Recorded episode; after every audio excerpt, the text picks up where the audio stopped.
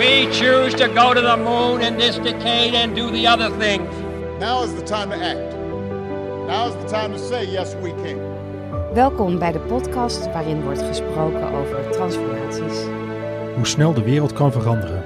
Paul Terwal zat in Australië toen de eerste maatregelen in Nederland werden aangekondigd. De intake voor de podcast deed ik voordat de maatregelen half maart werden afgekondigd. Ineens hebben we een ander gesprek. Paul's missie is bijdragen aan een gelukkige werkomgeving.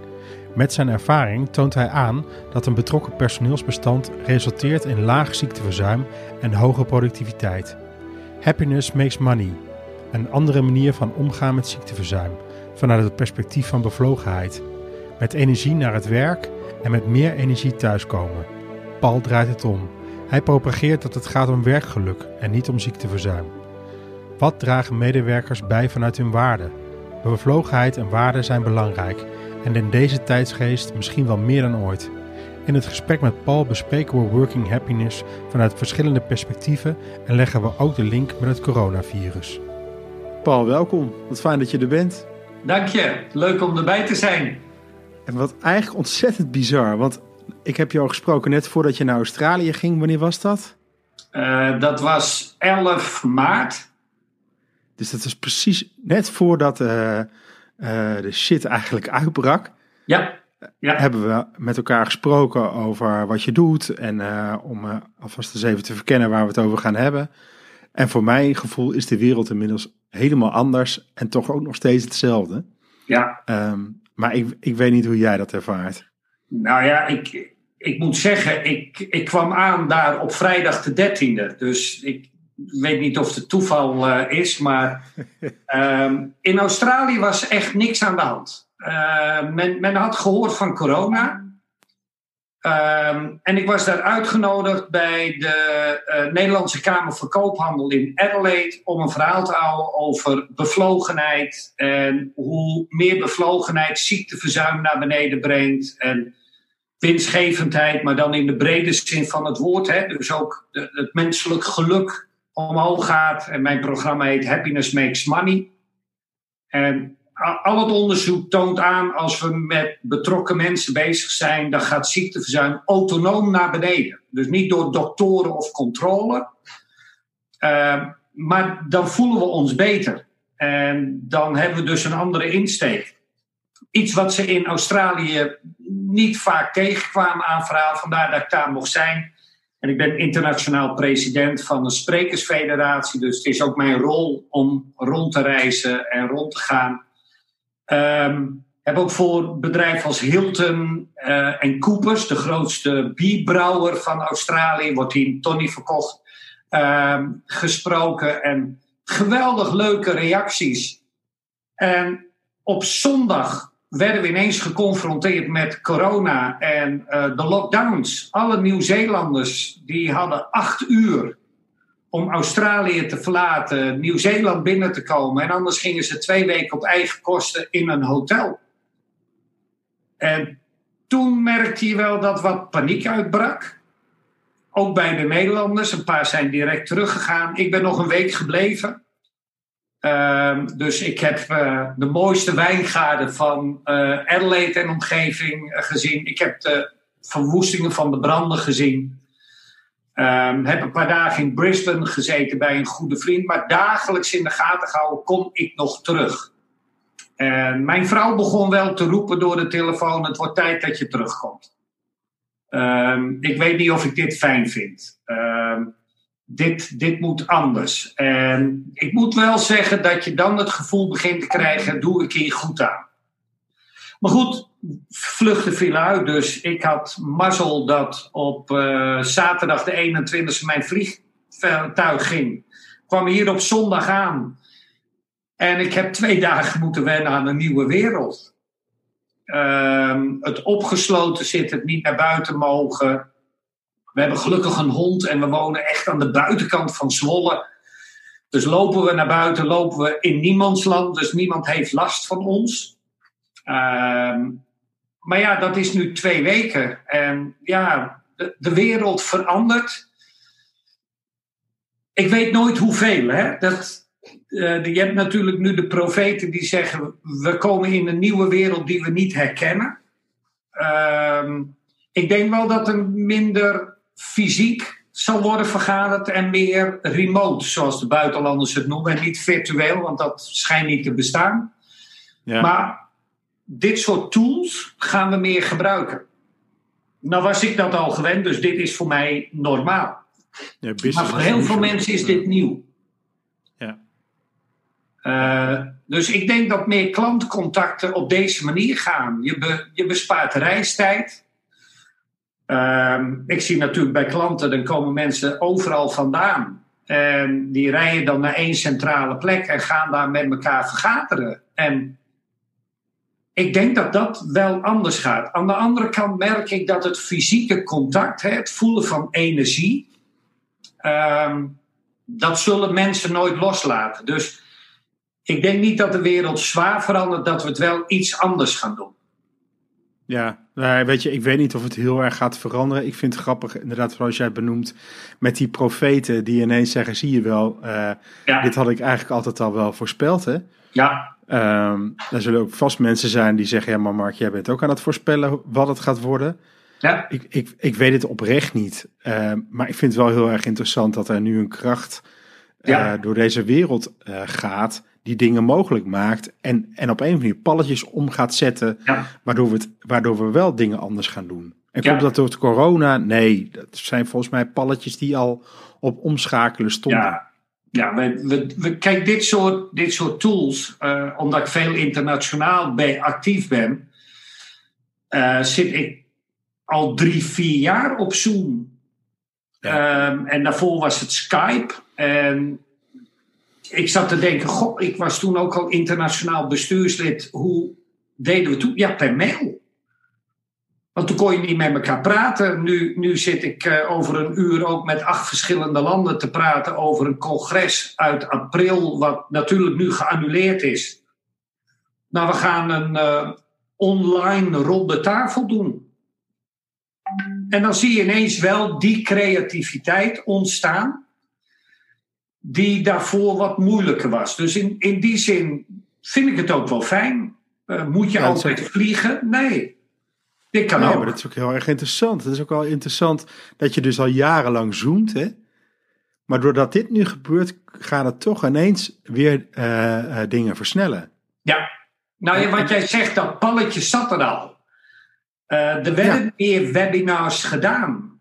Ehm, ik heb vorige week, direct toen ik terugkwam, twee uur les gegeven aan de Universiteit van Maastricht. Dat doe ik al een jaar of acht als gastdocent. Uh, en dat moest nu via de computer. En dan hebben ze een systeem Blackboard. En dan kun jij tekenen en je kunt je PowerPoint laten zien. Enige jammer is dat je de studenten niet ziet. Uh, dus ja. die zitten ook naar jouw scherm te kijken, maar die, die, die, zie je dus niet zoals hier met fotootjes eromheen. En toen merkte ik wel dat ik de energie miste. Ze konden dus wel chatten met me, en dan let de docent op en die zegt: Paul, er komt een vraag binnen. Ja, maar dan zit je in een soort van zwart gat te praten of zo. Ja, dat is. Dat vond ik wel vervelend. Toen dacht ik: dit is dus niet mijn systeem. Hè? Ik wil jou wel kunnen zien. Ik wil wel weten dat er iemand zit. En ja. Dus dan denk je: oké, okay, dus dat systeem moet het niet worden. Het scheelde mij vijf uur reistijd. Weet je, uh, wat ik niet betaald krijg bij een universiteit. Dus kwam het voor mij goed uit? Best wel.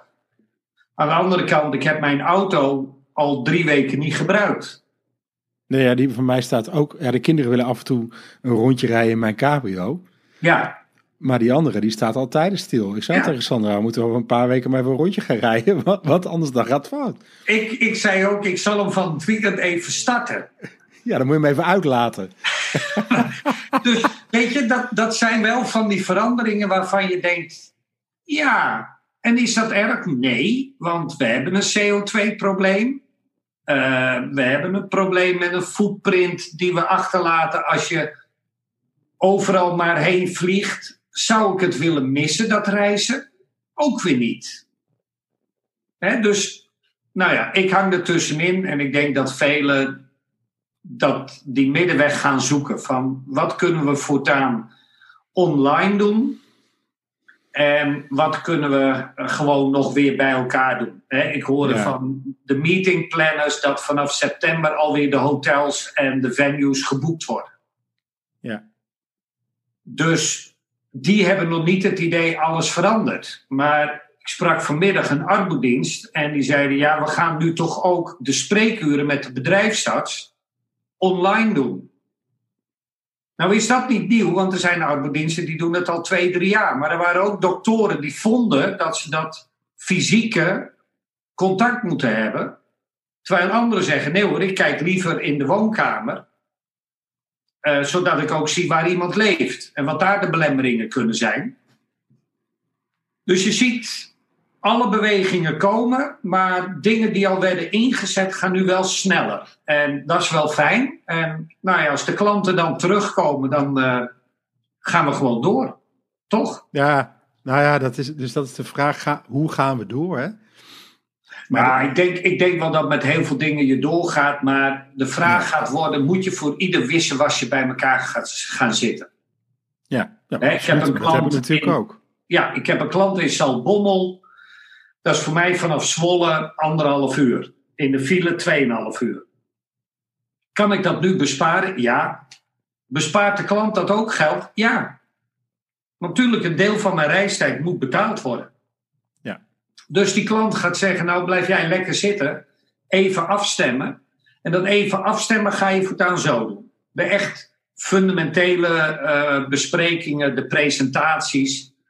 Ja, dat hoop ik dat dat live blijft. Want daar ben ik gewoon te oud voor om, om dat kwijt te raken. En ik, ik vind het voelen van energie bepaalt wat ik vertel. Ik, heb, Ja. ik ben niet zo'n. Ik ben professioneel spreker. Ik doe dat op de hele wereld. Ehm, ik heb niks, een standaard verhaal. Ik weet wat ik wil vertellen. Maar hoe het mijn mond uitkomt, ligt aan de interactie met het publiek Ja, als ik dat niet zie, of ik zie mensen die naar de wc gaan, of die koffie gaan halen, of die even een e-mail lezen, dan haalt dat energie weg. En in een zaal kunnen ze dat minder. Dus we gaan het zien. ja nee, maar dat is ook wel, we gaan het zien. Maar dat is, maar, want jouw specialisme, zei je net al, eh, happiness, eh, wat, wat zei je nou? Sorry. Happiness makes money. Happiness makes money, ja. En dat is zeg maar binnen bedrijven. Ja, En ik geloof zeker dat op het moment dat je het geluk eh, oppakt, dat dat wat doet. ehm, eh, dat dat sowieso wat doet binnen een bedrijf. En dus ook met ziekteverzuim. Ja, dat, dat, dat zijn wereldwijde onderzoeken. En tuurlijk, als je het aan professor Arnold Bakker hè, en Wilma Schauffele, de topjongens in Nederland, vraagt, dan doet een bedrijf als Gallup het niet goed. Alleen die meten het al 30 jaar in 140 landen. En die geven echt aan dat het verschil tussen een niet bevlogen medewerker, dat is eigenlijk iemand die achter de kar hangt, noem ik dat wel eens, en iemand die Ja. voor de kar staat, dat is 40% minder ziekteverzuim. En ik kan me voorstellen, hè, als bevlogenheid is voor mij, je, je gaat met energie naar het werk en je komt met meer energie thuis. Ik hoop dat jij dat ook herkent. We kunnen de hele dag druk zijn en dan kom je thuis. En dan zegt mijn partner wel eens, "Pff, en nu even rustig. En dan ben ik niet ADHD, maar dan heb ik gewoon hele leuke dingen gedaan, waardoor ik denk, oh, Hoeveel pilletjes heb je op vandaag, Paul? Zoiets, Precies. ja. Nou ja, dat zeg ik altijd in presentaties. Ik heb een chronische ziekte en dan zeg ik: Ja, weet je, ik ben chronisch ziek, maar ik werk. Als ik mijn pilletjes op tijd inneem, heeft niemand last van me. ja. En dan zie je mensen gaan denken en invullen. En dat, dat is leuk, maar dat heb ik niet. Ik heb gewoon wat met mijn bloed. Dus dat is helemaal niet zo erg. Maar mensen gaan gelijk naar de psyche denken. Maar daar zit wel gelijk de crux. Ik heb dus een ziekte, maar ik werk. Heel veel mensen voelen zich in deze tijd gewoon niet happy. Hè? En dat mag je heel breed maken. En die blijven dan Ja. thuis. Snap ik het? Ja. Is het de goede cultuur? Nee. En daar zie je waar, waar ons werk over gaat. Ehm, werkgeluk, ehm, plezier, joy. heeft te maken met, met de cultuur van een bedrijf. Maar ook met Ja. je eigen kernwaarden als mens. En wat wij zien is dat heel veel mensen weten niet wat hun kernwaarden zijn. Dus die, die, die basis, dat gevoel in je onderbuik, dat als je iets tegenkomt, dat je denkt, dat voelt niet goed. Ja, Dat gevoel, en een deel van onze hersenen zitten gelukkig in onze buik, geeft dus dat gevoel van, hoor ik hier thuis of hoor ik hier niet thuis? Veel mensen blijven het werk doen wat ze doen, omdat het nou eenmaal goed geld oplevert. Omdat het dicht bij huis is. Omdat het goed past met de kinderopvang. Omdat, weet je, allemaal van dat soort redenen. Die shocken mentaal naar het werk. En die gaan nog shockender terug. Die mensen vallen om. En zeker in Ja. deze tijd. En dat grappig is dan dat nu de ziekenhuizen. Die toch het afgelopen jaar, anderhalf jaar, niet erg bevlogen waren. Hè, met alle salarisclaims. Die nu- nu dus terecht blijken te zijn. Die zijn nu heel gepassioneerd. Waarom? Dit is precies de kernwaarde waarom ze het doen. Zorgen voor anderen. Dus die mensen komen allemaal weer bij hun kernwaarden en die kunnen ineens veel meer aan dan wat wij een half jaar geleden dachten. Grootste risico in de cultuur is dat we er misbruik van maken als management.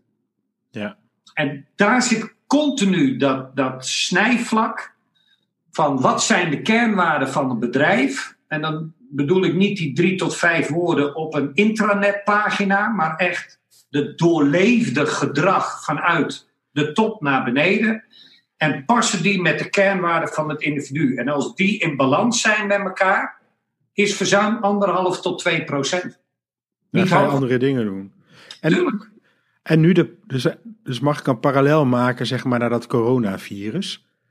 En de parallel die ik daarmee bedoel, dan moet je me misschien maar even helpen. Ehm, ja, dat coronavirus maakt, maakt mensen ziek, ehm, maar verlamt ons op een of andere manier ook. Ja, dat is angst. Dat is angst, dus daarmee Ja. zakken we volgens mij in ons waardepatroon. Ja, Eh, en eh, eh, dat gaat ten koste van onze geluk en happiness. absoluut. Ehm, nou, nou wordt er ook al gesproken, dit gaat leiden tot meer burn-outs enzovoort enzovoort. Maar ho- hoe krijg ik een burn-out bij een bedrijf en hoe, hoe schakel ik dat aan datgene wat er nu gebeurt? Nou ja, een burn-out, het, het woord zegt het letterlijk. Hè? Eh, al je energie raakt op. Dus het is het misbruik maken zonder dat het naar individu. Hè? Want we, we zijn heel goed om te wijzen naar individuen, terwijl we het hebben over een systeem. Ehm, wij Je maken bedoelt dan het systeemmanagement, bedoel je? ja, management, organisatiesystemen, ehm, ehm, Ja. roosteren, mensen niet het gevoel geven dat ze ertoe doen. Ehm, het was heel grappig, in Australië gebruikte ik een voorbeeld van een schoonmaakbedrijf uit Nederland die weigeren om de schoonmakers te laten werken voor acht uur en na vijf uur. Die zijn gewoon aan het werk tijdens normale werkuren. Waarom? Die maken schoon, die zorgen voor het koffiezetapparaat, die vullen het papier bij, die hebben een rol. Die mensen doen dat allemaal vanuit zichzelf. Die hebben te horen gekregen, dat is wat jij mag doen, dit zijn jouw afdelingen, loop rond. Die geven plantjes water, die zijn gewoon bezig, die ruimen de troep op, iemand morste met koffie, zij komen, lossen het op, zeggen: Zal ik even een bak koffie? Ja. Die mensen voelen zich autonoom. Die voelen Ja. weer autonomie. Die voelen dat zij serieus genomen worden. In corona zie je dus nu twee trends. En dan heb ik het niet over de ziekte en de mensen die het krijgen. Maar eromheen, je hebt mensen die worden heel serieus genomen. Noodgedwongen voor sommigen, hè, want er is gewoon te weinig personeel. En je ziet die mensen, ik heb ook een, een, een, een nichtje, die, die zie ik groeien. Die zie ik dus groter worden in haar rol. Waarom? Iedereen neemt haar serieus. Dan Ja. moet dat ook wel. Want ze loopt op de IC als een interventionist. Ja. Maar iedereen hoort haar hè, en ziet haar van die coachingstermen van gezien worden en gehoord worden. Je ziet nu dat dat waar is. Maar je hebt ook mensen, die hebben nu het gevoel dat ze buiten de boot vallen. Dat ze er niet toe doen. Winkelpersoneel, personeel in de horeca. Uh, soms heb ik dat gevoel. Weet je, ik kan een bijdrage leveren aan mijn klanten. Maar mijn klanten zeggen nu even niet, Paul. Terwijl ik denk, maar juist nu zou ik wat kunnen doen. Want jij hebt nu een probleem. Nou heb ik daar geen last van, maar er zullen mensen zijn die dan ja, wat meer achteroverleunen. En zeggen het zal ja, mijn tijd die... wel uitduren. Ja, maar mensen die daar, eh, weet je niet, een trauma is dan een te groot woord, maar als het in je persoonlijkheid zit om dan maar te zeggen, ach ja, ik ben eigenlijk ook niet zoveel waard en je komt nu in deze setting. Ja, dat, dat telt op. Ja, maar die mensen hebben dus niet het gevoel dat ze erbij horen. Hè? Wij noemen dat altijd het ABC'tje van bevlogenheid. Want bevlogenheid is heel moeilijk, maar dat heeft te maken met autonomie.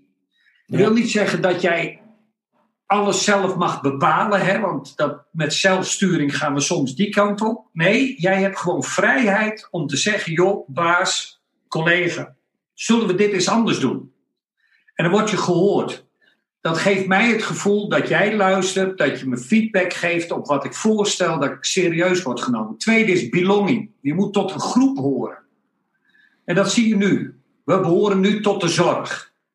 En het onderwijs doet het. En ineens komen we erachter dat tot aan de vuilnisman, de schoonmaker, we de, toen de, doen. Hè? Die reclame op tv van, over NASA. Een hele oude grap natuurlijk. Van ja, dat de schoonmaker zegt, er ging geen shuttle de lucht in als ik niet de prullenbakken leegmaak. Maar het is wel zo. Zij hebben hun taak in het geheel.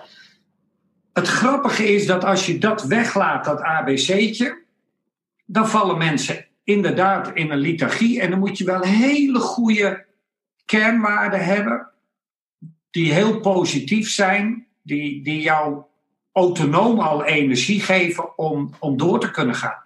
Ja, ja dus, dus, de, de, dus de A staat voor autonomie, de B voor belonging en de belonging, C staat... Dus...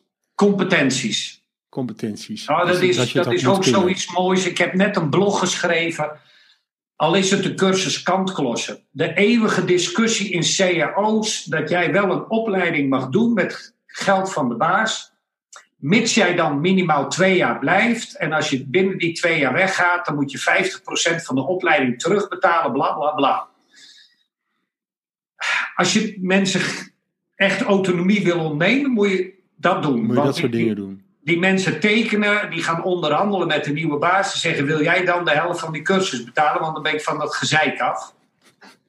Terwijl ik denk, en dat is ook een standaard grap hè, van de CFO die zegt: Goh, stel dat je investeert in mensen en ze gaan weg. En dat de wijze CEO dan gelukkig zegt: Stel je voor dat we niet investeren en ze blijven.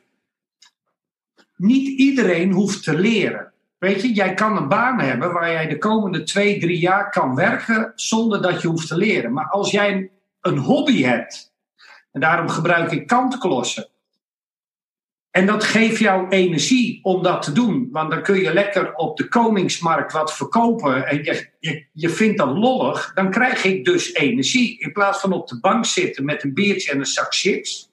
Doe ik iets wat me energie geeft. Dus heb ik meer energie de volgende dag. En dat is de competentie. Zorgen dat mensen zich ontwikkelen als mens. Niet als functionaris, maar als mens. Dus hou jij van voetballen, en moet jij een cursus doen om trainer te worden, waarom zou jouw baas dat niet betalen? Ja, ja maar dat is dus. Ja, en waarom, waarom zou je baas dat dan niet betalen? Maar dan gaan we zo kijken naar functies. Het past niet in de functie. En dan denk je, ja, ja. what the fuck? Ja, maar wat denken die mensen dan de volgende keer dat jij wat aan mij vraagt en het valt niet binnen mijn functie, dan doe ik het niet. Voel je? En dan raak ik gedemotiveerd. Ja, maar dat is toch ook, uh, dat is toch ook een uitspraak of zo? Dat is FUWA, wat dan ook. Dat, dat past niet binnen mijn functie of zo. Dat is ook gewoon een bekende afkorting. Hè? Zover zijn we inmiddels al. Nou ja, en, en je ziet steeds meer bedrijven dat losmaken. Hè? Dus we doen geen functioneringsgesprekken meer, maar vitaliteitsgesprekken of inzetbaarheidsgesprekken. dat ik altijd denk, ik hoop dat die leidinggevende, niet manager, getraind is om dat gesprek te doen, hè? van mens tot mens. Ik adviseer, doe dat soort gesprekken buiten het bedrijf, in een koffiehuis, al is het een buurthuis waar je gezellig gaat zitten en zegt, joh, wat kan ik voor jou betekenen?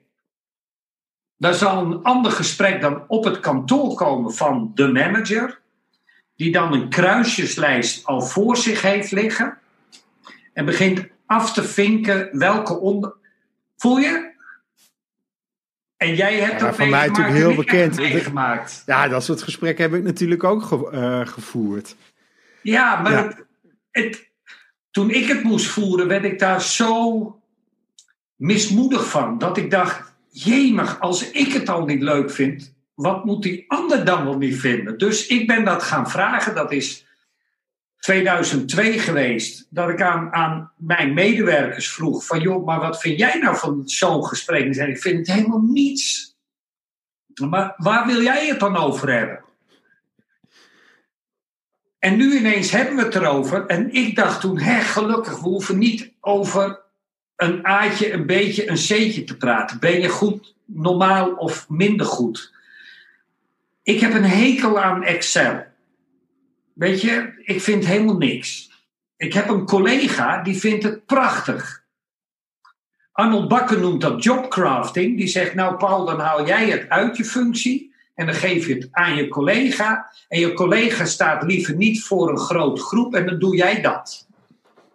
Ja. Functies blijven hetzelfde. We wisselen alleen met elkaar uit waar, wat mij gewoon bakken energie kost. En wat zij fluitend voor mij doet. Ja, maar ik heb, dat met, ik heb het wel eens gehad bij een bedrijf. je hebt een Strength Finder of zoiets. En dan hadden ze allemaal een talentenlijst. Ja. En uh, tot mijn verbazing ging iedereen zijn talent leven. Ja. Maar een half jaar later, ja, een half jaar later belde de directeur me op. Die zei, ja maar Mark, je brengt me in een probleem. Ik zeg, hoezo? Ja, iedereen neemt nu vanuit zijn talenten mijn werk over. Ik zei, ja, maar ik snap het probleem niet. Waarop hij zegt, ja, ik heb eigenlijk niks meer te doen. Ik zeg, ja, maar waar ligt jouw talent? Ja, communicatie. Ik zeg, nou, dan ga je toch naar buiten? Precies. Als daar jouw talent ligt, moet je dat dan gaan doen. Oh ja, dankjewel. En dat is die gaan doen. Nou, maar dat is ook het grote verschil tussen managen en leidinggeven. Hè? Een manager is een afvinker. En weer niet naar die persoon, want die heeft die functie gekregen en er is gezegd: jij moet dit controleren dat dit gebeurt op jouw afdeling. En je hebt leiders die zeggen: Ik heb liever de beste medewerkers bij me staan, want die duwen mij mee omhoog. Als ik nou maar zorg dat het gecoördineerd gebeurt en dat we afstemmen en praten met elkaar en een keer een goed gesprek doen en een keer een wat minder prettig gesprek, dan zie je het groeien. Maar wij maken de beste medewerker de leidinggevende. Dan zijn we de beste medewerker kwijt en we hebben de slechtste leidinggevende. Ja. Dus hou die goede medewerker binnen. Maar ja, dan moet je weer een salarisschaal aanpassen. Ik hoorde het echt van de week. Toen dacht ik, oh, daar moet ik een blog over schrijven. Daar gaan we Iemand die vast zat in de top van zijn salarisschaal. Het woord Ja. alleen al. En dan kom je alleen uit als die leidinggevende werd. Ja. En die zegt, maar dat wil ik helemaal niet. Maar ja, ik wil na vijf jaar wel eens een hoger salaris. Nou ja, en, maar, en het is dus de vraag wat er nu gaat veranderen. Kijk, eh, meneer Rutte, die tegen iemand eh, zegt, die een vraag heeft, die zegt, sorry meneer, maar we gaan geen brief schrijven. We zijn hier een crisis aan het, eh, eh, aan het bezweren. Ja, dat vind ik wel een ding. Ja. en vind ik tof. Dat ze een minister van de P van de A nu op die plek zetten, omdat dat de beste man voor de job is, denk ik, dat vind ik tof. Ja, Dus zo ook zie ik heel veel dingen gebeuren. Ja nou, nou gebeurde dit wel vaker. Alleen dan was het politieke spel, die bemoeide zich daarmee. En je ziet nu dat doordat er crisis is, we die ruimte geven. En ik hoop dat we leren accepteren dat dat mag blijven. En dat we niet Ja. alleen schreeuwers aan de kant hebben, maar dat iedereen zegt: Oké, wat kan ik nu bijdragen? En dan mag een ander vragen: En wat heb jij daarvoor nodig om dat bij te dragen? En als we die kant op gaan, en weet je, in alle literatuur en onderzoeken zie je dat al komen. Maar we maakten de, de kanteling nog niet naar de praktijk. Hè? Strength Finder van Gallup is een prachtig tool. Uh, je kan ook disk gebruiken, welk, welk systeem ook. Als daar wat uitkomt, moet je ook durven om dat waar te maken. Ja. En die durf is er vaak niet, omdat we top-down nog steeds aan het controleren zijn. En dat is, dat is een oude manier van denken. Dat wordt dan Anglo-Saxisch genoemd, maar dat is helemaal niet waar. Rijlandse model is veel meer de professional voorop zetten.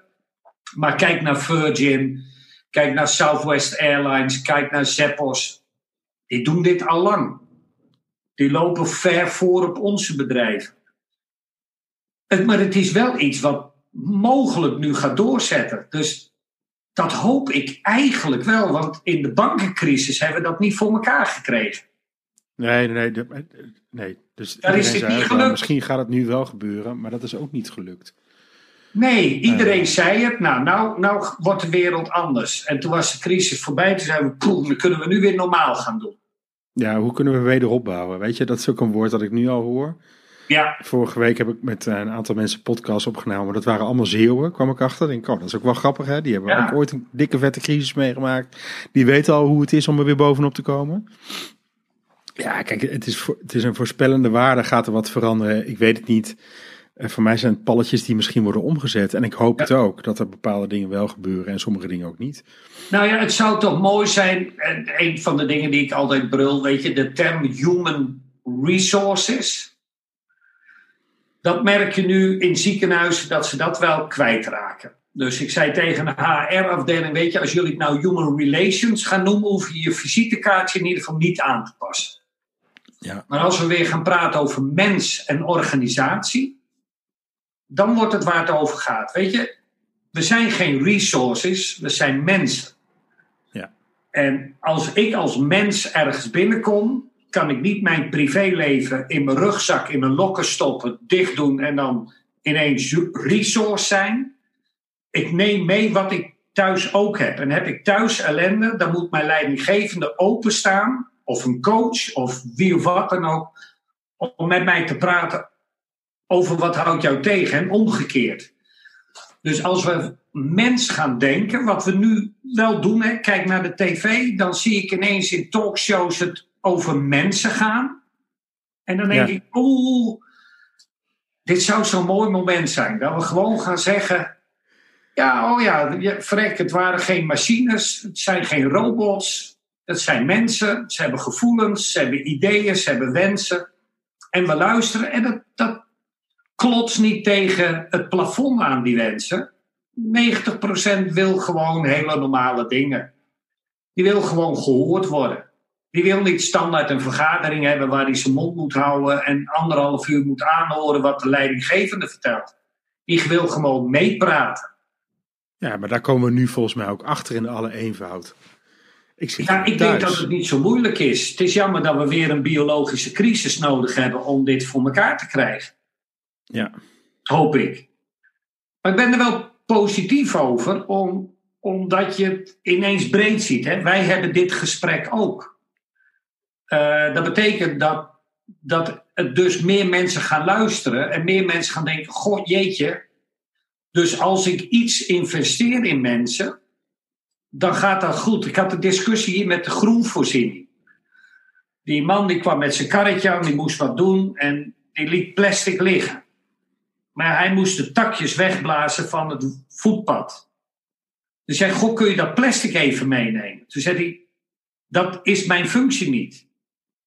Zei, nee, maar je hebt zo'n karretje en daar ligt een vuilniszak, zie ik. Ik wil het er wel in stoppen, maar neem jij het dan even mee? Nou, het feit dat die man dus van zijn manager te horen heeft gekregen: jij gaat nu naar dat voetpad en je haalt alle takken van de weg af.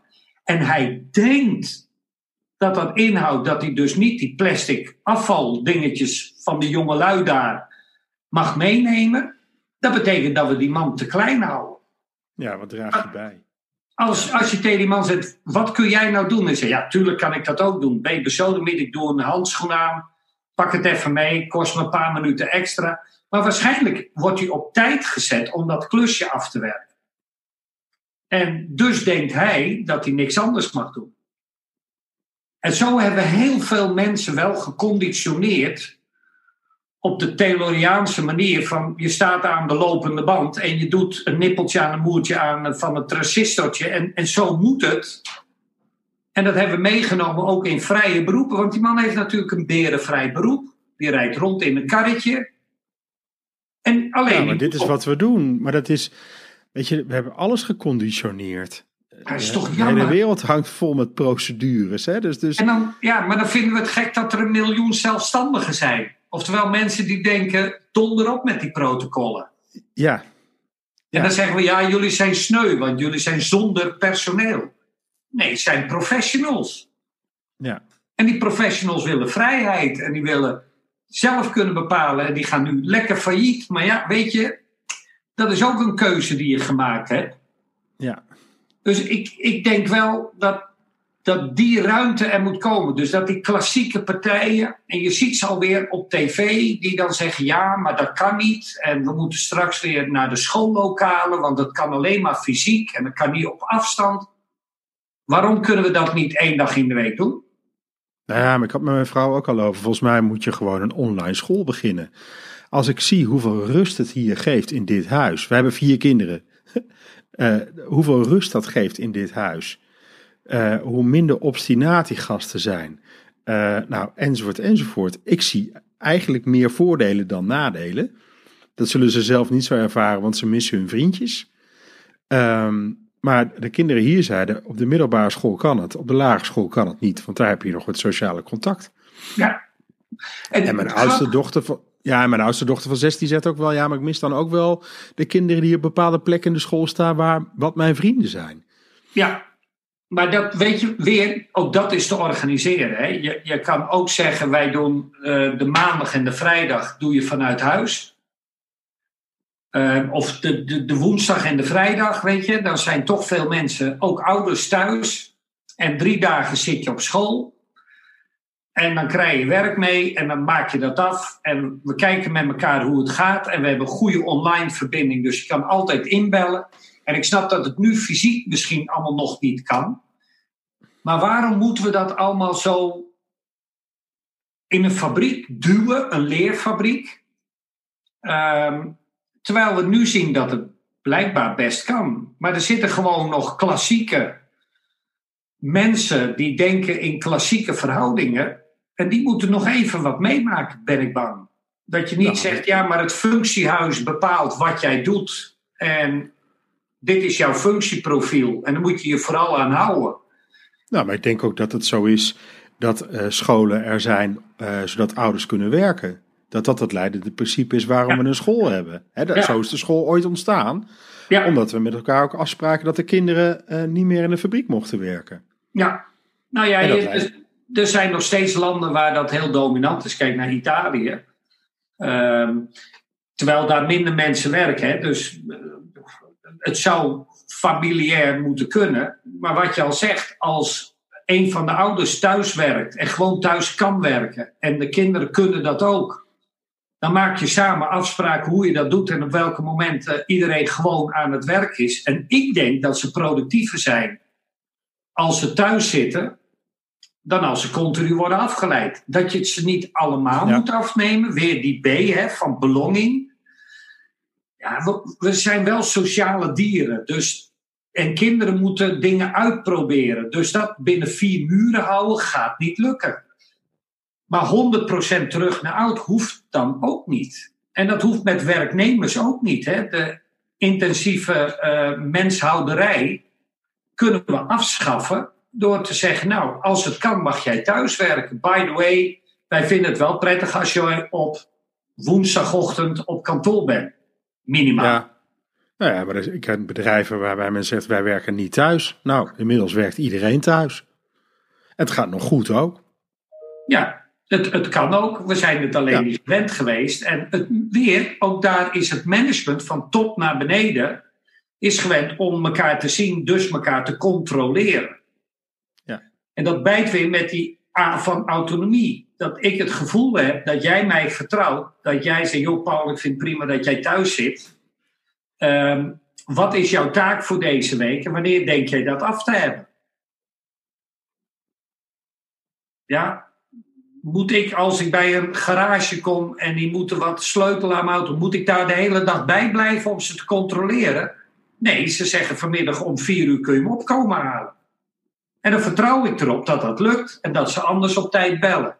Dus als we het in een opdrachtgever-opdrachtnemer relatie doen, doen we het wel. Maar ben je werknemer, dan blijkbaar niet. Dus het is ook gespleten. Het is, het is een rare constructie. Nou, nou ik hoop dat er veel achter komen. Ik heb ook ooit eens een keer in het psychologisch assessment gezeten voor een bepaalde functie. En men zei, je bent er goed van vertrouwen. Toen zei ik, sorry? Psychologen. Ja, maar je moet meer controleren. Ik, ik, ik zei, nee, maar ik ga gewoon uit van het beste van de mens. Ja, dat kan niet. Ja, maar waarom kan dat dan niet? Ja, dan denk ik, joh, uh, hallo. Ja, maar, maar is het niet grappig? Maar dat, dat, dat is dus die oude cultuur van jij moet er zijn van acht tot vijf. En dan denk ik, kijk naar de zorg, kijk naar hotels. Daar zijn de managers ook niet zeven dagen in de week, 24 uur aanwezig. Dus dan geven we ze ook vrijheid. Alleen in die uren dat we dan op kantoor zijn, gaan we wel controleren. En dan vinden we het gek dat die mensen denken: ik ga liever in het weekend werken. Ik had de laatste een gezegd: ik werk alleen s'avonds en in het weekend, want dan heb ik alle vrijheid. Ja, heerlijk. Ja, nou ja, weet je, ik ben, je moet mij vooral niet. Uh, ik ben ook zelfstandige. Uh, je moet mij niet gaan controleren. Dan, dan, dan heb je een hele slechte markt aan de tafel. Echt ja. verschrikkelijk. Ja, ik, dus- ik merk dan ook dat ik dan wat korter aangebonden word. Ja, maar en. Ja, wat ga jij dan doen?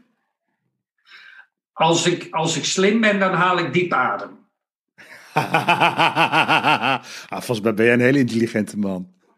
Ik, ik, ik, heb ook wel eens. Dat, nou, ik had van de week iemand die, die wilde wat verkopen aan klanten van mij. En die zei van. Uh, die schoot Zoom-afspraken in mijn agenda. Dus ik belde hem op. Ik zei: joh, waarom zet je die afspraken erin? Ja, ik wil met je doorpraten de strategie om het bij je klanten te implementeren. Ik zeg, sorry, maar A, ik kom op dit moment niet bij mijn klanten. B, ik ben de initiatiefnemer vanuit de klant naar jou, dus ik bel jou als dat aan de orde is. Nee, maar ik wil het nu met je bespreken. Ja, sorry, dan ben ik ineens niet aardig. Dan gaat het vinger op het rode knopje. En dan gaan die afspraken uit mijn agenda. Had hij gezegd, Paul, ik wil even met je doornemen hoe we het straks zouden kunnen doen bij zo'n klant had hij me gehad. Ja. Het was net de opdracht die verkeerd was. En ik denk dat dat ook gebeurt bij medewerkers. Dan geeft iemand net de verkeerde opdracht, waardoor iemand recalcitrant wordt, op de rem gaat staan, active disengaged is, noemen we dat dan. Ja. Ja, en dan gaan de fouten omhoog, verzuim gaat omhoog, uh, de klantrelatie wordt verminderd, uh, succesfactoren gaan naar beneden. En dan vinden we het gek dat het niet lukt. En dat is bij heel veel banken is dat zo. Serieus. Hebben er last van. Ja, maar, maar, ik ben ook wel heel benieuwd wat er zo meteen gaat gebeuren. als we gewoon weer terug naar kantoor gaan. Ik, ik denk dat dat A nog lang duurt. En weet je, corona is niet weg in mei, juni. Um, het zal niet, misschien niet meer zo besmettelijk zijn dat we niet meer gewoon kunnen doen. Maar zolang er geen vaccin is, blijft het rondvaren. Kan niet anders, hè, als je, de, als je de virologen hoort. Dus dat neem ik dan maar even aan. Dat betekent dat we dus ook in juni, juli gaan zeggen: Nou joh, als het niet echt hoeft, blijf dan lekker thuis. En vooral als je je niet goed voelt. Alleen het grote verschil gaat worden dat we dan niet zeggen: meld je maar ziek. Maar dat we zeggen, werk maar thuis. Ja, ja, ja, ja, ja, ja. ja. En als we dat, dat met overtuiging kunnen doen, dan heb ik er vertrouwen in. Want als ik dan denk, hmm, ik voel me net niet helemaal 100%. Gatsidari. Uh, baas, kan ik thuis werken? Want ik denk dat het even beter is, want, nou, weet ik veel. En die baas joh, ik heb er alle vertrouwen in. Uh, bel me vanmiddag even op om te vertellen hoe het gaat. Weet je, maar dat we in conversatie blijven, hoef ik jou niet ziek te melden. Want A, ik weet het niet. B, je bent misschien niet ziek genoeg om niet te kunnen werken. En, en weet je, dat soort dingen. als we die communicatie overeind houden, poei.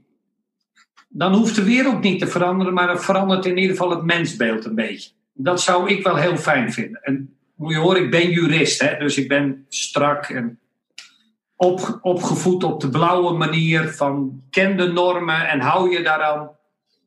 Ik denk nu, ken je waarden en geniet ervan. Dat is net een andere insteek. Nou ja, en, en daarmee dus niet alleen een mensbeeld, maar ook de mens weer beter in beeld krijgen. Absoluut. Absoluut. We, we hebben ze echt. Hè, ehm, Mathieu Wegman die had het steeds over de intensieve menshouderij. Um, Ja. er zijn nog steeds kantoren waar dat zo is. Als we dat verminderen en, en dat, dat beeld van mensen en organisatie centraal stellen. En ik heb laatst het eerste bedrijf gehoord waar ze zeiden: we, wij praten over mensen en organisatie. En toen dacht ik: gooi je in mijn column van een paar jaar teruggelezen.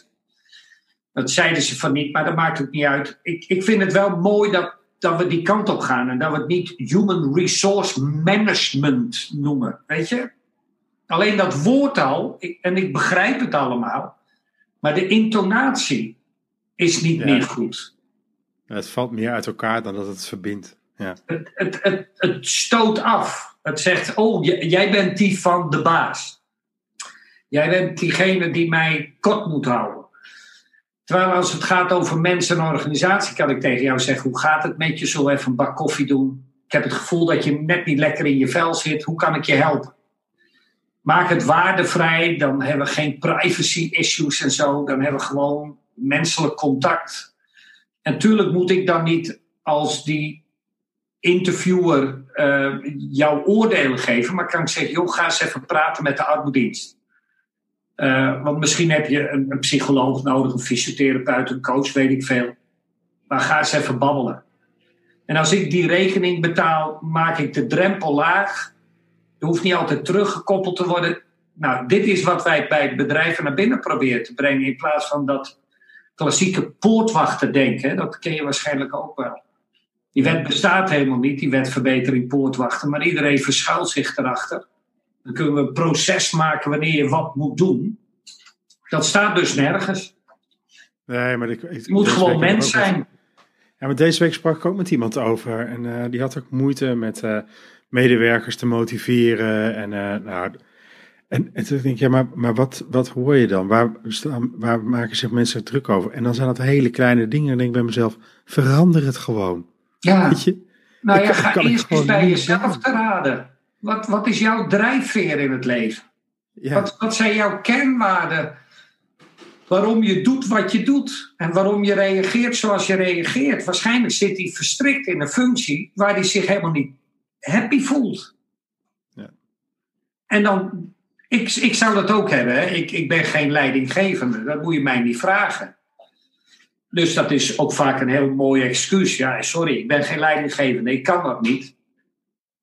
Maar je moet dat kunnen. Net zo goed als je nu op een IC moet kunnen werken. Weet je, dat zijn mensen die dat Ja. kunnen. Je moet mij daar niet neerzetten. Je moet mij niet leidinggever laten zijn. Je kunt mij wel voor 500 mensen zetten om een verhaal te vertellen. Jij kan goed interviewen. Weet je, zo heeft iedereen iets wat zijn passie is, wat hij leuk vindt. Nou, als we dat nou eens gaan doen, als we dat overhouden,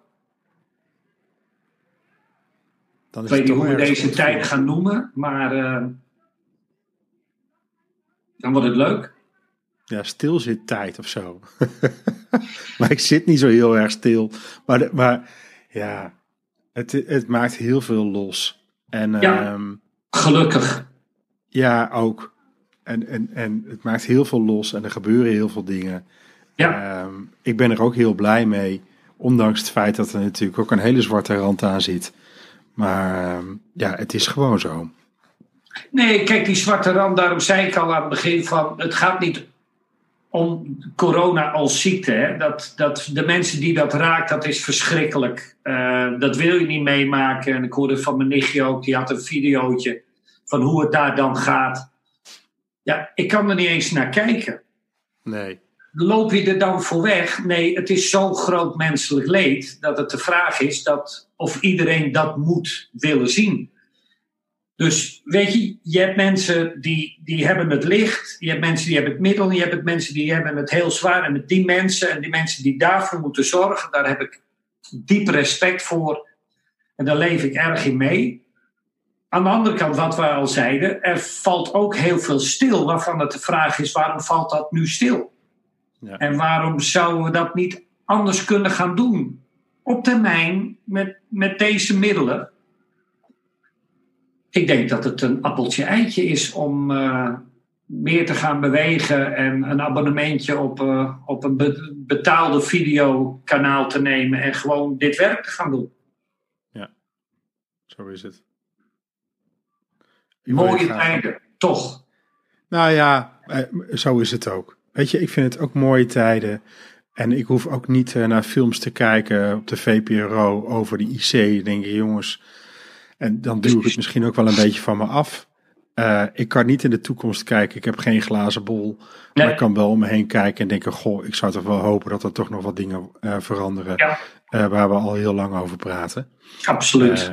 ik ben geen wereldverbeteraar, maar ik vind het niet erg dat die auto inmiddels al drie weken stilstaat. Nee. Ik ga je heel erg bedanken voor, ehm, ehm, voor je inzichten. En, je ik vond het heel leuk om te doen. Mooi zo. Uh, laten we over een tijdje weer eens even contact hebben. Uh, ja. Ik ben benieuwd hoe het je vergaat.